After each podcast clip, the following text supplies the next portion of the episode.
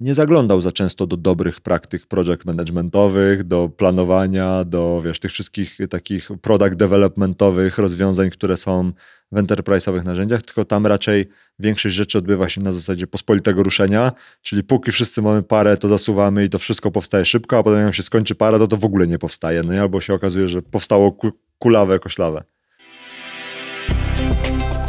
Cześć, ja nazywam się Łukasz.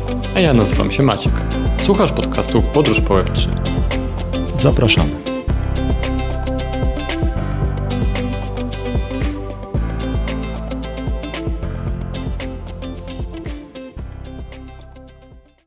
Cześć Łukaszu. Dzień dobry Maćku. Dzień dobry, dzień dobry. Musisz zmienić powitanie. Okej. Okay. Nie. Zmieniłem za to y, nie powitanie, tylko y, moje tło. Zobaczymy, jak, jak, jak nasi fani zareagują na moje nowe tło. Jak algorytm YouTube'a zareaguje na twoje Dokładnie, na rozmytego kwiatka. Umówiliśmy się, Łukaszu. Nie, to ja ci powiem. w formie jestem. Nie, y, umówiliśmy się, że nam, nam, czyli mi i naszym słuchaczom opowiesz trochę o kosmosie. I czego się dowiedziałeś i czego jeszcze się nie dowiedziałeś, to będzie Learning in the Open. Tak, bo ostatnio rozmawialiśmy o tym w jednym z poprzednich odcinków, że pieniądze, które mamy przeznaczone na portfel PPW3, czyli dla przypomnienia 100 euro co miesiąc, wydajemy na jakiś kryptoaset, nazwijmy to w ten sposób, e, przeznaczymy na zakup tokenu, czy też coina raczej, Atom, który jest no, coinem w ekosystemie Kosmos, mm, bo wybrałeś taki na moją propozycję, y, który z trzech wybrać. Ty wybrałeś Atom. No i miałem taki niedosyt, bo trochę wiedziałem o kosmosie, ale nie za dużo. I tak sobie pomyślałem, że no skoro już to kupujemy, to warto by było wiedzieć trochę więcej. No i więc y, ustaliłem sam ze sobą, że dowiem się trochę więcej. No i e, jak też jak pomyślałem, tak zrobiłem. Zaalokowałem sobie jednakowoż dużo za mało czasu na dowiadywanie się. Jak ci poszło? Jak ci poszło? No nie poszło mi najlepiej, bo zaalokowałem sobie e, dużo za mało czasu. Jeżeli dobrze liczę, to e, pochłonąłem w formie audio i wideo, czyli w podcastach i YouTube'owych filmach, no ponad nie wiem, z, z 2,5 godziny treści i przeczytałem parę artykułów slash newsów o tym, co tam się dzieje i trochę Twittera. Żebyście wy, drodzy słuchacze, już nie musieli. No nie wiem, bo ja tylko czuję, że zebrałem samą taką wierzchnią warstwę tego, co, co się tam dzieje. Mm, więc e, kosmosologiem jeszcze nie jestem, ale wydaje mi się, że temat jest ciekawy. I stwierdziłem, że no, skoro już słowo się rzekło i powiedziałem, że ci opowiem trochę o tym, to opowiem ci o tym, o czym się dowiedziałem, a o tym, o czym się nie dowiedziałem, to najwyżej zrobimy update kiedyś w przyszłości, albo może się okazać, że tam już nie ma dużo więcej i tylko mi się wydaje, że tam jest jeszcze dużo więcej, a reszta to już jest y, ściąganie bibliotek, y, zaglądanie w kod i próba pisania czegoś. No jak wiadomo, tego nie zrobię, bo w tym roku byśmy tego nie nagrali, bo zanim bym to wszystko ściągnął i nauczył się odpalać, to byłby już zeszły, przyszły rok, a wtedy już by się pewnie tyle rzeczy zmieniło, że znowu musiałbym kopać. Chyba, no. że zrobimy tak, że to będzie intro do kosmosu, a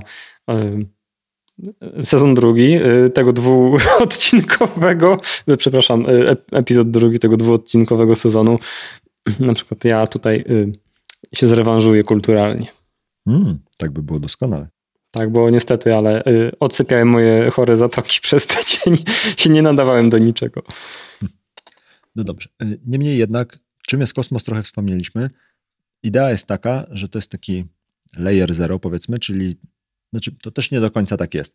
No bo layer 0 zakłada, że jest jakaś warstwa, nad którą są jeszcze kolejne warstwy. A jeżeli ja dobrze rozumiem, czym jest kosmos, to kosmos e, raczej, i to zresztą w podcaście, który słuchałem, e, jeden chyba z e, tego teamu założycielskiego tłumaczy to w ten sposób, że oni chcą zbudować coś na kształt protokołu HTTPS tylko dla blockchainów, czyli taki standard czy jakiś proces wymiany informacji w taki sposób, żeby blockchainy między sobą mogły gadać.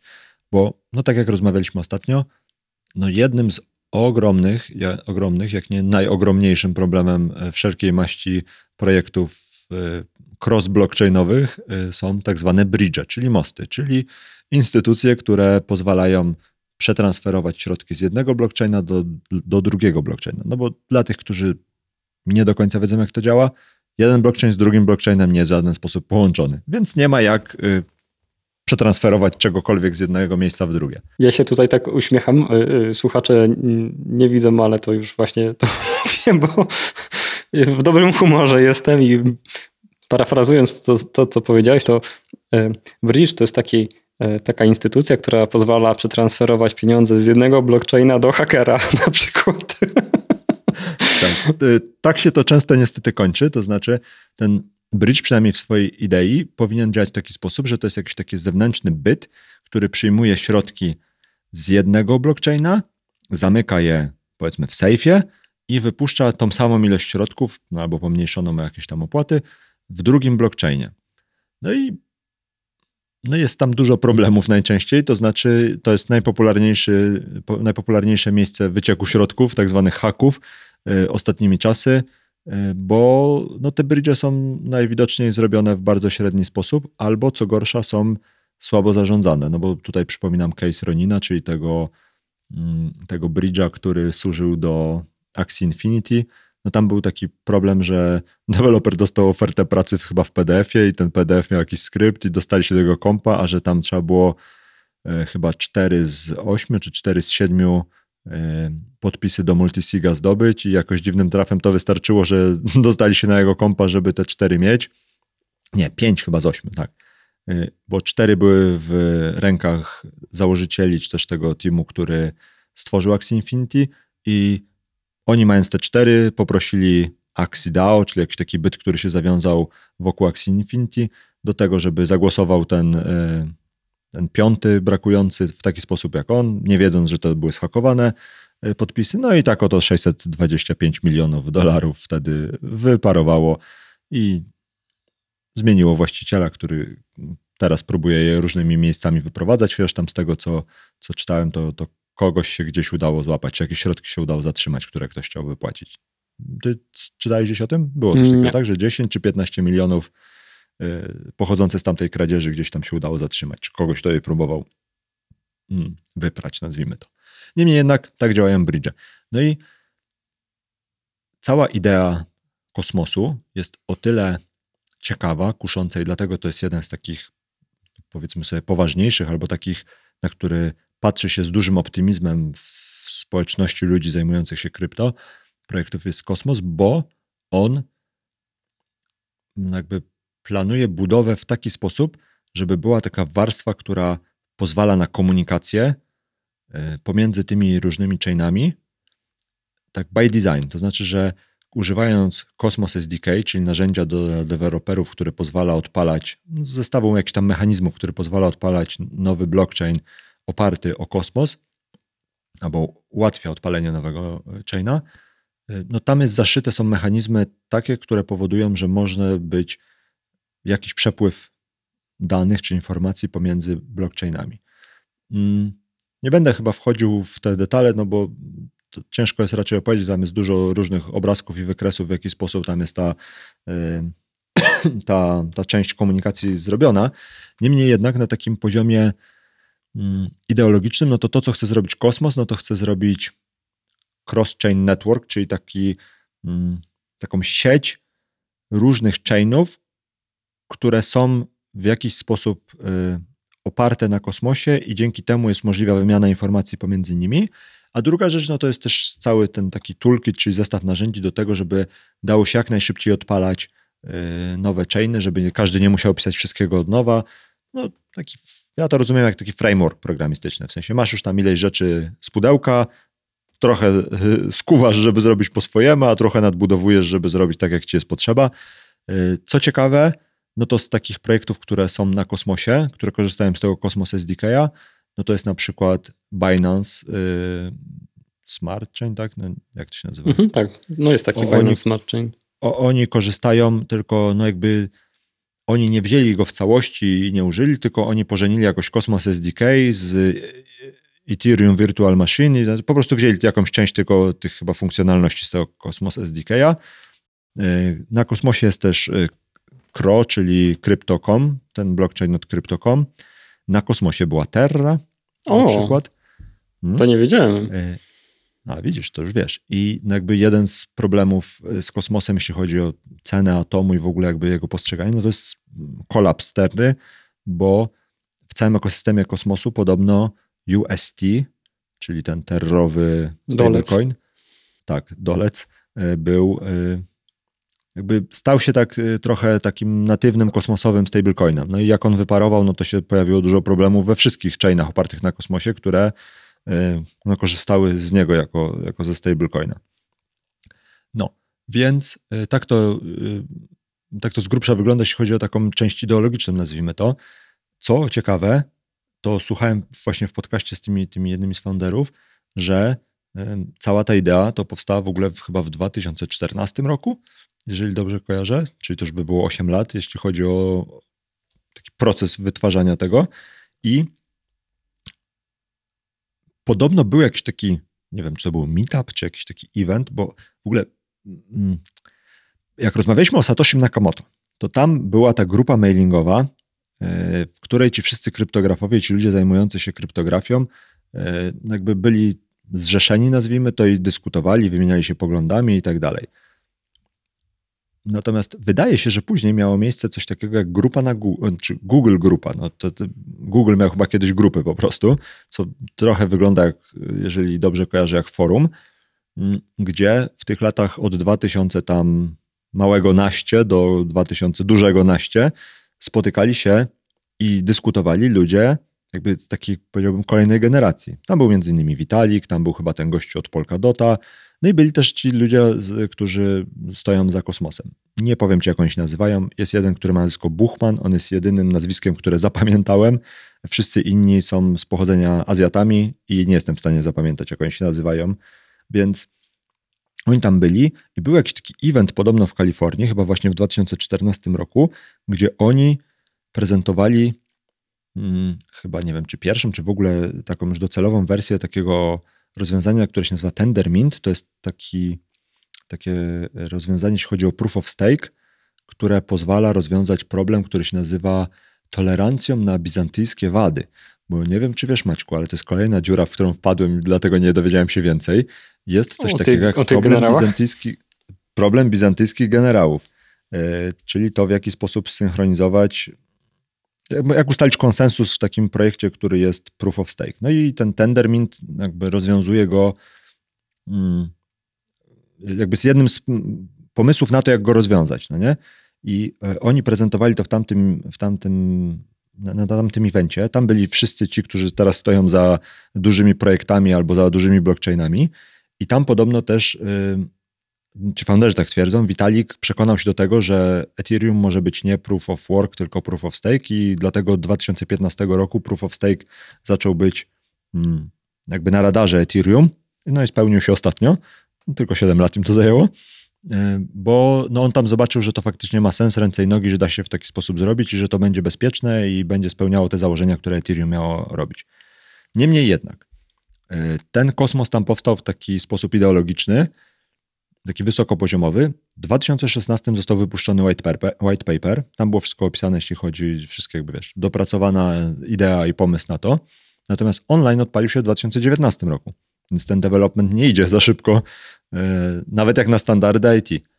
No i teraz yy, to, co jest ważne, to jest to, że ten Tendermint stoi u podstawy tego wszystkiego. To znaczy, że yy, oprócz tego, że no jakby on naturalnie w kosmosie jest y, tym mechanizmem, który ma, ma generować konsensus, to też niektóre projekty biorą sobie sam algorytm, to samo rozwiązanie, nawet nie korzystając z całego kosmosu, więc on się stał czymś takim ważnym, jeżeli dobrze rozumiem, y, w całym ekosystemie blockchainów. A to ja zadam pytanie, bo hmm? chcę, chcę to zrozumieć.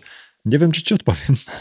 Przekonajmy się, hmm? bo mm, chcę zrozumieć, czy ten kosmos to jest framework do robienia nowych blockchainów, bo ma Cosmos SDK, czy to jest blockchain, e, którego możesz używać tak jak każdego innego. No bo próbuję koncept zrozumieć, bo z jednej strony jest, ten, jest ta technologia, która pozwala ci gadać między blockchainami i dostarczać e, funkcjonalności, a z drugiej sama w sobie e, idea, filozofia, no i co? blockchain? Powiem ci. Chyba wiem. Jest coś takiego jak Cosmos Hub. I to jest ta taka warstwa jakby zero, jeżeli dobrze to rozumiem, która odpowiada za komunikację pomiędzy tymi wszystkimi chainami i która jest zabezpieczona przez walidatorów kosmosu. I nad nią jakby są kolejne chainy. I przez ten Cosmos Hub przechodzi komunikacja.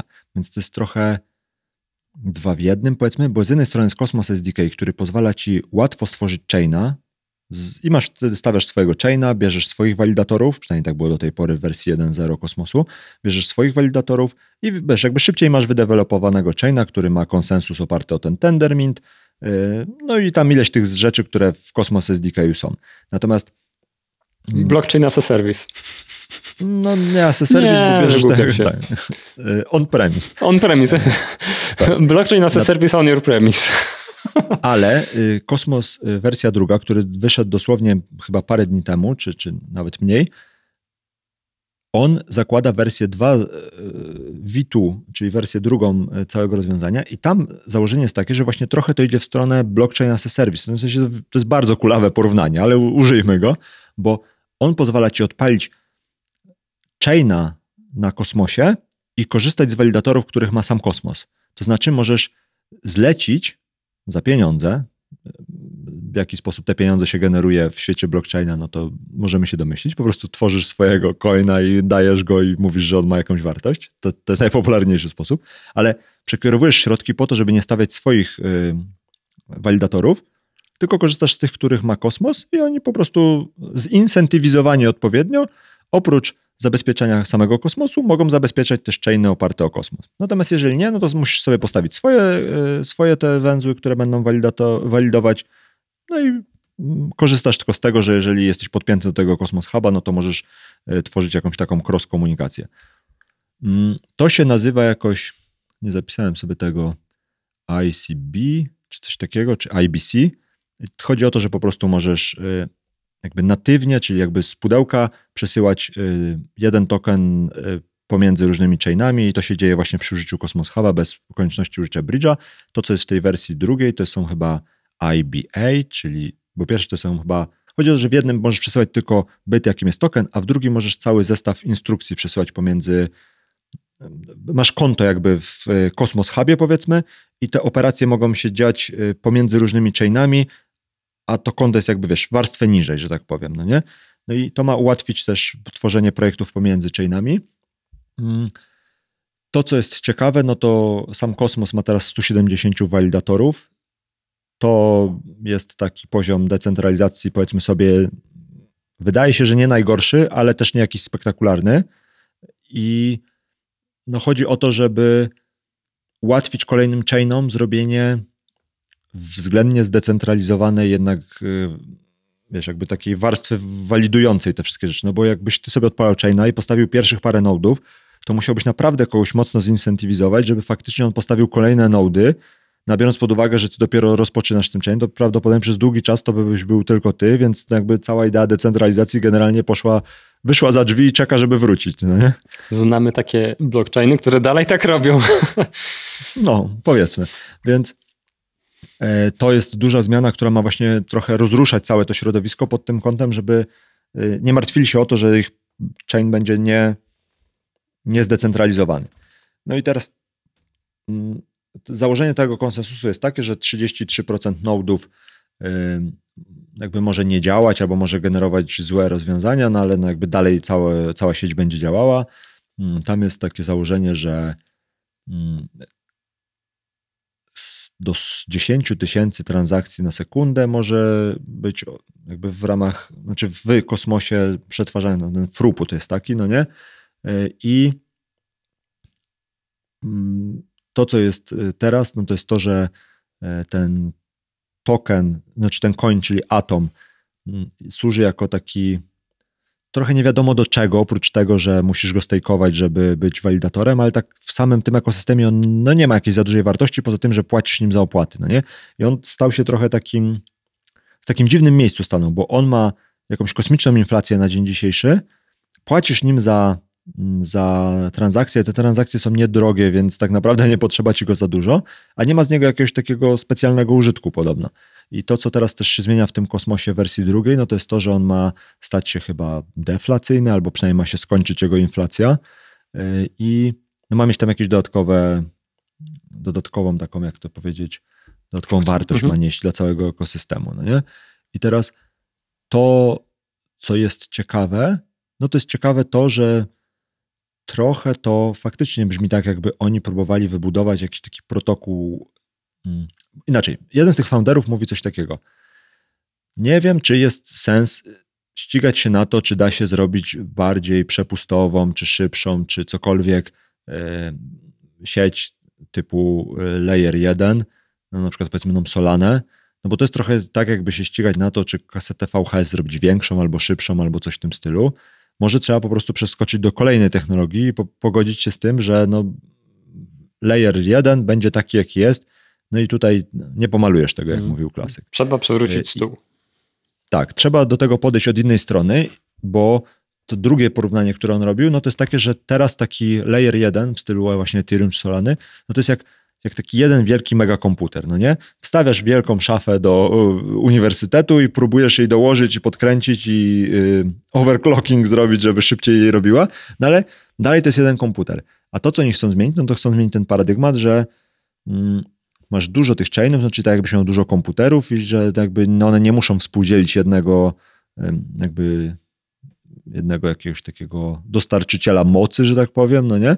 Tylko mogą to robić albo sami tworząc node, albo korzystając z tych dużych, znaczy z tych nodów kosmosowych, jakby tam leasingować sobie tą, tą walidację, y, ale jakby cała idea jest inna, no nie? Że ty masz ułatwiony sposób na postawienie tego chaina i y, tego chaina no jakby zabezpieczasz bezpiecznym mechanizmem, czyli tak, no przynajmniej tak rozumiem, że ten tender mint jest E, takim rozwiązaniem, które jest e, traktowane jako bezpieczne i korzystasz z walidatorów kosmosu, których jest już 170 tam kilku, więc to też nie jest tak, że jest jeden na przykład, więc jakby też łatwiej ci to marketingować pod tym kątem, że no to jest tam zdecentralizowane i tak dalej.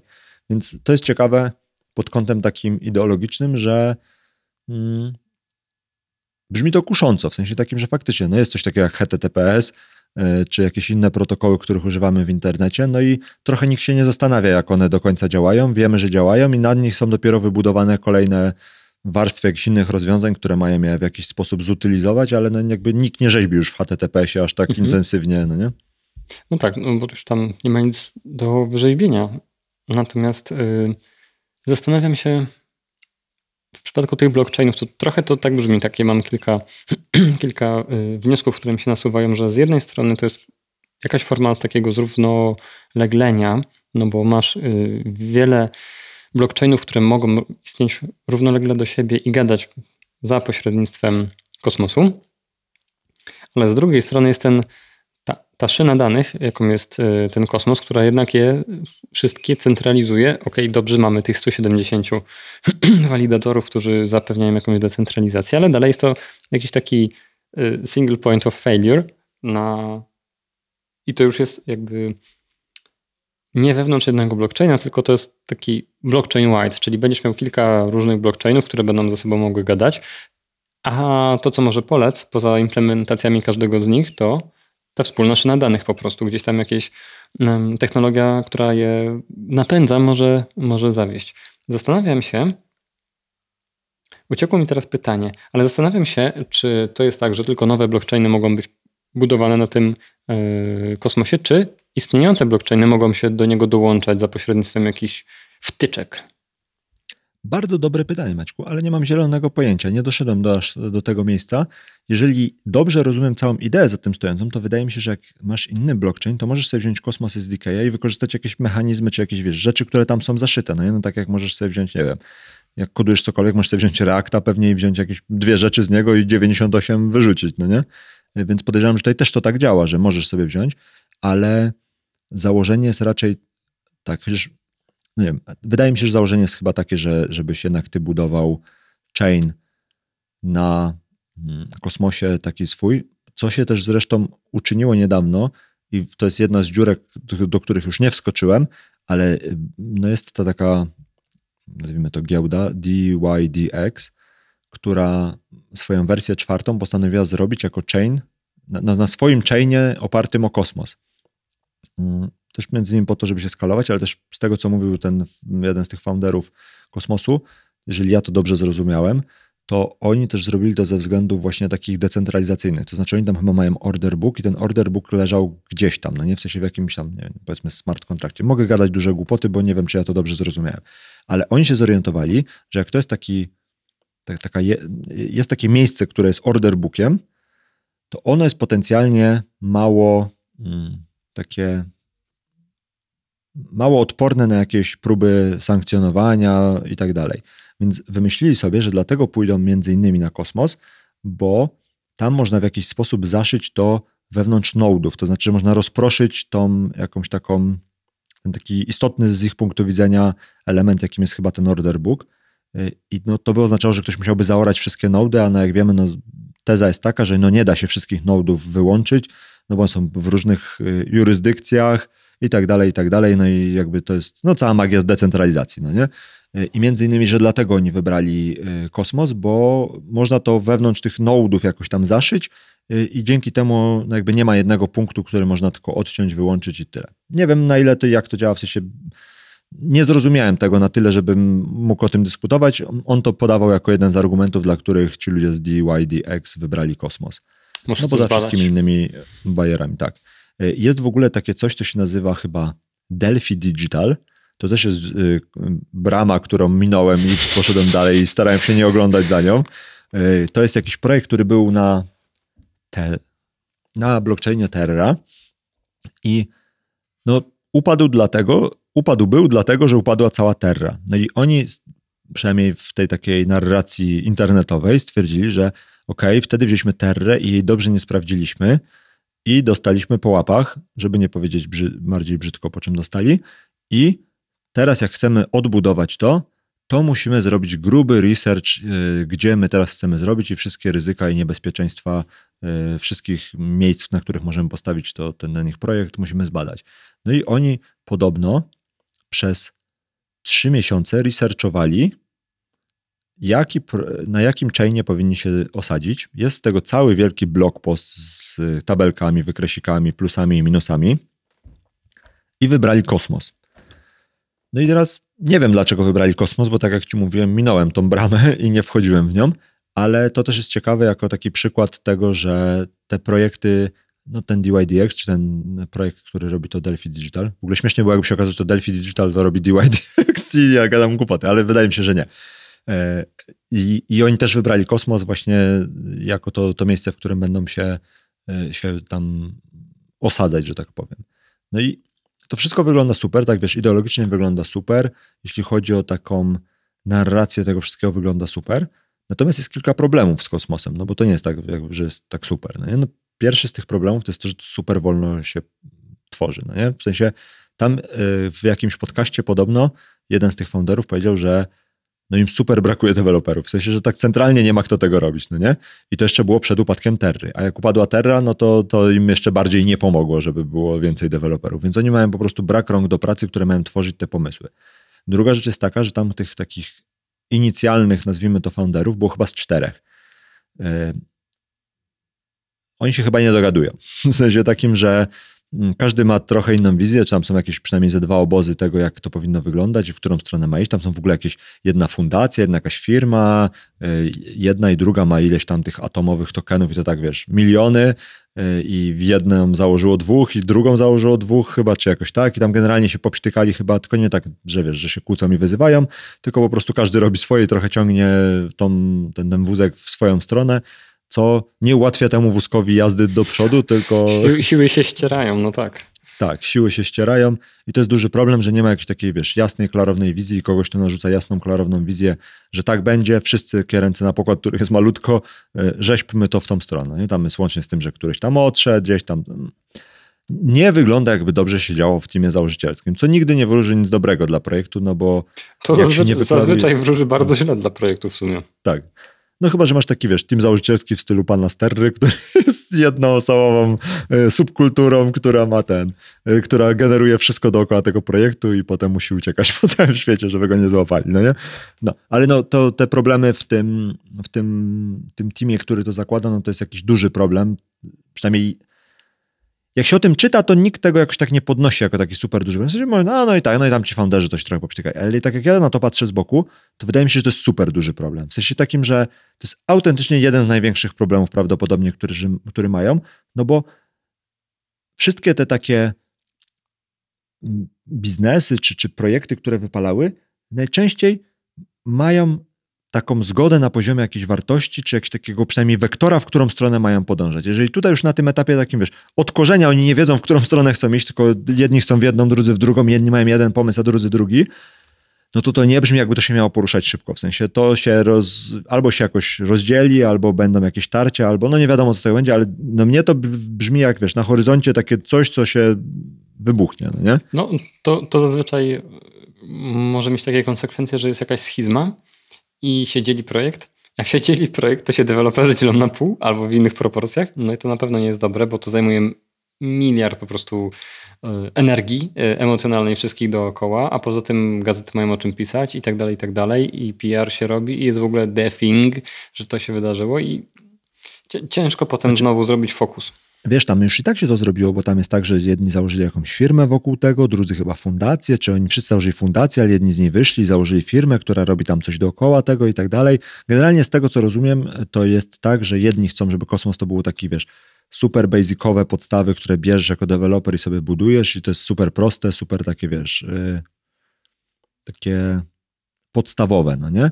A drudzy chcą, żeby yy, ten Kosmos to był taki, wiesz, gruby zestaw rzeczy, rozwiązań i tak dalej, łącznie z tym, że ten pan, pan, który się nazywa Buchman, y, on ma taką propozycję, żeby y, dało się też zrobić, żeby enterprise'owe blockchainy były oparte o kosmos i żeby mogły korzystać z nodów kosmosu, bo wiesz, no jakby uważa to za y, dobry taki biznesowy case dla kosmosu. No, co, Zapatrzył jak... się na pana Wrighta.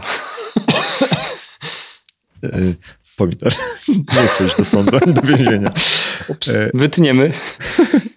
No, e, ale, ale no, jakby wiesz, no, brzmi to jak, tak z takiego biznesowego punktu widzenia, brzmi jak spoko rozwiązanie, no ale to tutaj też mają na przykład jakąś niezgodę. No więc jakby ten team jest problemem potencjalnie. Drugie to jest to, że no, Terra się przewróciła, co nie pomogło kosmosowi, no bo Terra była dużym projektem opartym o kosmos, chyba największym, przynajmniej w którymś momencie. E, I no, to naturalnie też powoduje no, takie, no pewnie części osób się odechciało, trochę się sparzyło, trochę pójdzie do więzienia i tak dalej, więc no jakby też zmniejsza to community. E, z drugiej strony, no oni też robią jakieś takie rzeczy, które wydają się, że mają bardzo dużą zasadność, to znaczy oni współpracują z Polkadotem i z Ethereum po to, żeby po, robić, po zrobić jakieś mm, nie bridge, bo to wiemy, co to jest, tylko żeby porobić jakieś takie mm, no nie wiem, narzędzia czy, czy coś w tym stylu, które mają ułatwić współpracę pomiędzy Ethereum i, i mm, chainami opartymi o kosmos i między polkadotowymi chainami i tymi opartymi o kosmos, jakieś takie konektory, no nie wiem jak to nazwać. No i oni to nad tym pracują też pod kątem tego, żeby właśnie zwiększyć tą multi-chainowość, żeby, żeby dało się łatwiej też współpracować. Jakby Trochę to wygląda tak, jakby oni nie chcieli być Ethereum killerem, czy jakkolwiek tam się nazywają wszystkie te solany tego świata i poligony tego świata, tylko raczej jakby chcieli być kimś, kto się wepnie w ten ekosystem, połączy się ze wszystkimi, a potem zejdzie piętro niżej, y, żeby, wiesz, jakby być taką warstwą, która jest prawie, że trochę przezroczysta, no nie? Dla, dla całej reszty blockchainowych projektów.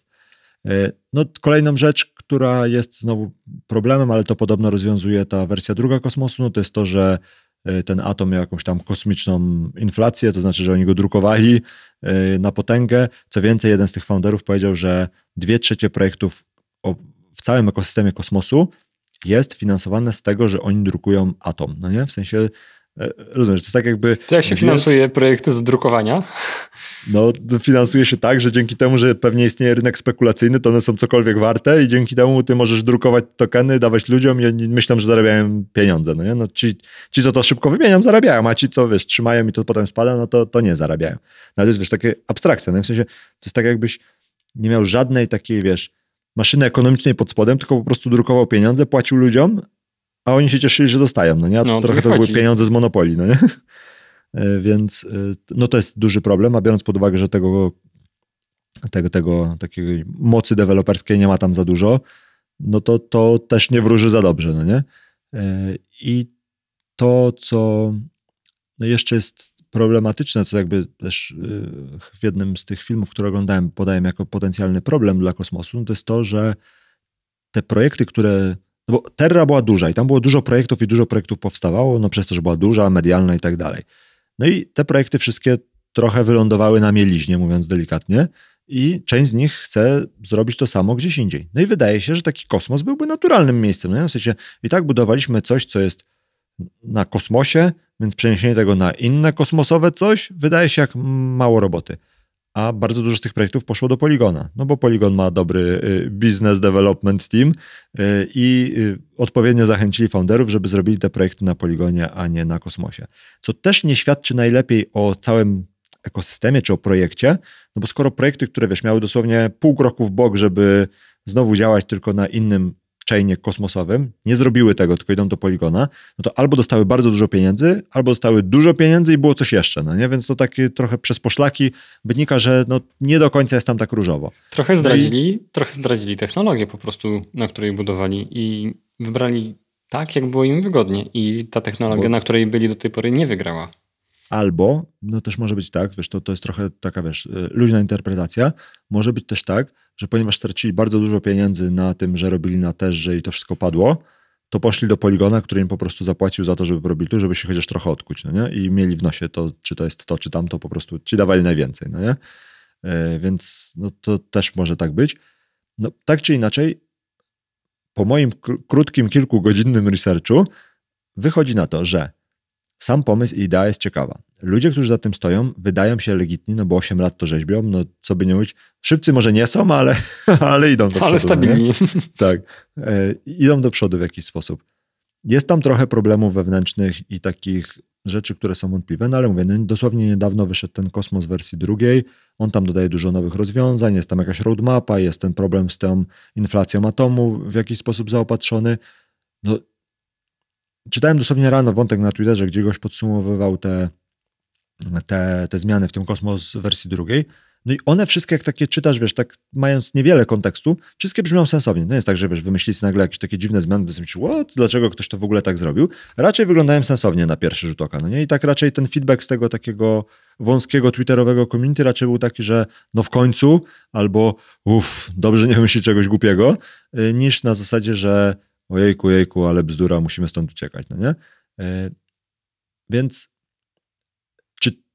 ten atom jest dobrą inwestycją w naszym portfelu, no to czas pokaże, y, to nie jest rada finansowa, zobaczymy jak wszystko ponaprawiają i wiesz, kosmos wybuchnie, no to pewnie on będzie warty więcej, jak się okaże, że on będzie zdegradowany do jakiegoś takiego, wiesz, e, mikro e, elementu całego ekosystemu, który ma mikroskopijną wartość, no to wtedy będzie warty mniej. Niemniej jednak sama idea i sam pomysł jest spoko, w sensie brzmi spoko, samo to, że y, chcą zejść piętro niżej i chcą zbudować zarówno narzędzia dla deweloperów, jak i cały taki ekosystem do robienia brzmi bardzo spoko, w sensie wiesz, to wszystko, wszystko się spina na papierze, no nie? Problem jest z tym, że ktoś to musi zakodować, to musi działać, i tego jest, wydaje się, kosmicznie dużo do roboty. No nie? W sensie, no tak jak sobie pomyślisz, no i weź teraz zbuduj podwalinę pod e, robieniem miliona chainów, które będą miały różne zastosowania i tak dalej. I jeszcze do tego tulki dla deweloperów, żeby im się łatwo to robiło. Nie? No kurde, no brzmi jak kupa roboty, a to, co też jest takie trochę niepokojące, tak jak rozmawiamy też z e, różnymi projektami, czy, czy to, czy też jak tam czytamy, to dalej mam takie poczucie, że w tym świecie projektów e, krypto slash blockchain slash web3, to ten proces tworzenia oprogramowania, to on jeszcze nie zaglądał za często do dobrych praktyk project managementowych, do planowania, do wiesz, tych wszystkich takich product developmentowych rozwiązań, które są w enterprise'owych narzędziach, tylko tam raczej większość rzeczy odbywa się na zasadzie pospolitego ruszenia, czyli póki wszyscy mamy parę, to zasuwamy i to wszystko powstaje szybko, a potem jak się skończy para, to to w ogóle nie powstaje, no albo się okazuje, że powstało kulawe, koślawe. Tu, tu trochę po bronie, bo enterprise'owe narzędzia wcale nie są lepsze pod, pod spodem i są legendy krążące o enterprise'owych narzędziach, które są popisane tak albo siak. Natomiast z tego, co ja trochę posłuchałem i pogadałem e, z ludźmi choćby na ostatnim if Warsaw, okazuje się, że większość haków nie wynika z błędu w kodzie, wiesz, na, na, na bridge'a. To są zwykłe socjo... Nie to, że zwykłe. Wiele z tych ataków to są po prostu techniki socjotechniki po prostu, zmanipulowania kogoś i ataku na osobę, a nie na technologię samą w sobie. Tak jak z tym CV i tak dalej. To są, wiesz, co potem się stało, że z tego kompa można było coś tam zrobić, nie? To są praktyki security, tak wiesz, zasady need to know, czy takich naj, najniższych możliwych privileges innych um, mo możliwości dostępu i to są, wiesz, błędy i złe praktyki, ale od strony organizacji organizacji organizacji, tak? Czyli od, od strony zarządzania security organization wide po prostu, niż y, wiesz, z juniora, który zakodował coś na froncie dziurawego, nie?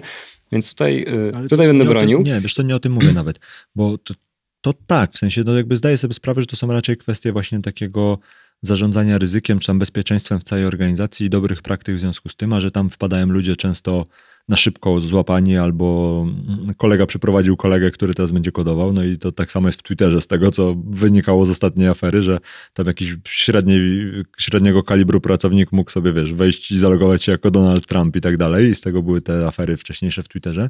Ale bardziej chodzi mi o ten product development, to znaczy o to, że wiesz, masz jakiś ustrukturyzowany sposób na to, jak ma wyglądać produkt, jest jakaś roadmapa, jest jakiś backlog tych rzeczy do zrobienia, są jakieś, wiesz, e, powiedzmy te sprinty czy cokolwiek takiego, wiesz, że to w jakiś taki iteracyjny, usystematyzowany sposób z jakąś kadencją powstaje i wiesz, jest wytwarzany. To wygląda trochę tak, jakby, mówię, tam nie było takiego pomysłu i takiej roadmapy na to, znaczy roadmapa taka ogólna jest, ale jakby był problem na tym poziomie pięterko niżej, czyli rozpiszmy tą roadmapę na, wiesz, mniejsze kawałki, ją na jeszcze mniejsze i potem, wiesz, dowoźmy je, no bo z drugiej strony, jak sobie o tym pomyślisz, jeżeli dużo z tych projektów powstaje w taki sposób nazwijmy to, to jest bardzo duże i złe uproszczenie, takie open source'owe, to znaczy, kontrybują do tego ludzie, którzy robią to wtedy, kiedy mają czas i tak dalej, to podejrzewam, że ciężko jest tym zarządzać, jeżeli nie masz jakiegoś takiego core teamu, który, wiesz, produkuje te rzeczy cały czas na bieżąco, a tamci tylko robią te rzeczy, które jak mają czas, to dorabiają, no nie? I trochę tak to wygląda, no nie? Że ci goście tam wpadają, coś nakodzą, wychodzą, nie wiadomo w ogóle, kto tam jest jakimś product ownerem, kto za to odpowiada, najczęściej founder, ale on robi też miliony objazdówek po konferencjach, więc podejrzewam, że to też to product ownerstwo jest takie, wiesz, złapanki i tak dalej. I wydaje mi się, że też między innymi dlatego dużo z tych projektów powstaje bardzo wolno albo powstaje w taki sposób, że się trochę rozłazi na bokach, no bo nie ma tam tego. I bardziej chodzi mi o to, że no zobacz, to na przykład taki, nie wiem, to powiedzmy ten Facebook, no nie? no on potrafi te feature'y, kurde, dowozić z regularnością, y, żelazną wręcz dyscypliną, no nie, jak sobie założy pan Mark Zuckerberg, że teraz będzie mieć storiesy, no to te storiesy się pojawiają. I one się pojawiają w wersji 1.0, one są średnie, potem jest wersja 2.0, one są już spoko i wersja 4.0 jest lepsza niż pierwotne storiesy, no nie? I oni to umieją robić, no nie? To w sensie organizacja ma takie zdolności. Wydaje mi się, że mimo wszystko w tym, w tym świecie Web3 i krypto, no to, to, to jest jeszcze coś, co bardzo kuleje. W sensie brakuje tam chyba Brakuje tam product ownerów. To jest moja hipoteza, jakbym miał ją jakoś skrócić. No tak, to z, z Marcinem Żyteckim rozmawialiśmy o tym, że brakuje w krypto osób, które są e, product ownerami czy project managerami, które rozumieją tą branżę i tą, to, to środowisko po prostu tak wytwarzania oprogramowania i budowania produktów, tylko że w, tej, w tym sektorze. No ale to dlatego też, że to jest tak młody sektor i tak gorący, że ciężko tam złapać doświadczenie, bo nie ma gdzie tego doświadczenia y, trochę złapać, a jednocześnie jest bariera wejścia dosyć wysoka, no bo żeby to wszystko zrozumieć, to trzeba jednak trochę czasu spędzić nad tym i to nie jest y, sympatyczne do tego, żeby się uczyć. No i dochodzi jeszcze do tego cała ta warstwa tego, że dużo z tych rzeczy to są powiedzmy to DAO, czy jakieś takie organizacje, które no nie mają jakiejś konkretnej struktury, jakiejś bardzo usystematyzowanej org charta choćby takiego, żeby było wiadomo kto przed kim za co odpowiada i tak dalej, kto tu podejmuje decyzje. I to też prawdopodobnie nie ułatwia, no bo to trochę brzmi jak wiesz, skrzyknijmy się i zrzućmy się, żeby było dobrze. No, no niemniej jednak wracając do kosmosu, wydaje się być ciekawym projektem, wydaje się być, y, mieć takie, jeśli chodzi o jakość founderów od tej strony takiej idol, y, może nie wiedzowo-technicznej strony, ok. Jeśli chodzi o wytrwałość ich, też wydaje się, że to jest wszystko tam ok. technologia raczej nie spotkałem się z żadnymi takimi głosami, że jest wiesz, jakaś taka dramatycznie zła i tam coś pod spodem jest jakieś takie, wiesz, że wszyscy wiedzą, ale nikt nie mówi. Raczej wydaje się, że to jest ok, tylko trochę się martwię, jakbym miał y, strzelać, co tu się może nie udać, to martwię się, że zanim oni coś wytworzą, zanim się dogadają i wytworzą i dowiozą, to minie tyle czasu, że już ktoś inny to zrobi i tak naprawdę y, trochę się spóźnią z tym wszystkim. No, to, to raczej to od tej strony bym się martwił tutaj czegoś, ale projekt się wydaje ciekawy, jest jeszcze dużo dziurek do zbadania. Może się okazać, że y, to jest tylko takie, wiesz, po pobieżnym zobaczeniu tak wygląda, może tam, kurde, może tam wszystko hula dobrze, tylko jest tyle roboty, że nawet jakby tam pół Facebooka wiadomo, poszło pracować, tak, to, to i tak by nic to nie zmieniło, bo by tego nie zakodowali, bo jest tego tyle. No, więc zobaczymy. Super. Dobrze, to dzięki wielkie Łukaszu za yy, liźnięcie Pięcio. tematu. Pięciotomów. Pięciotomów, tak. Dobrze. Yy, przypominamy naszym wszystkim słuchaczom i ewentualnie oglądaczom z YouTube'a, że Mamy newsletter, na newsletter się można zapisać i wtedy się nie przegapi żadnego odcinka i może coś wyślemy dodatkowego i dostanie się dostęp do naszego portfela i będzie można go podglądać. Y, też że przypominamy, żeby zasubskrybować. Y, jak to było? Agresywnie nacisnąć przycisk dzwoneczek. w górę i dzwoneczek.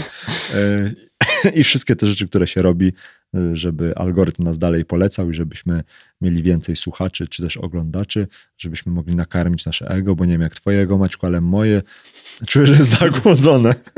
Wisi na włosku, tak? Nie, bo to jest takie chudziutkie i takie mizerne moje ego. Jest Uuu, dobrze. Tak. No. Karmcie nas, drodzy słuchacze, karmcie tak. nasze ego. Apelujemy. Właśnie. No dobra, to kończymy w takim razie. Dzięki Maćku, trzymaj Dzięki Łukaszu. Pa, pa.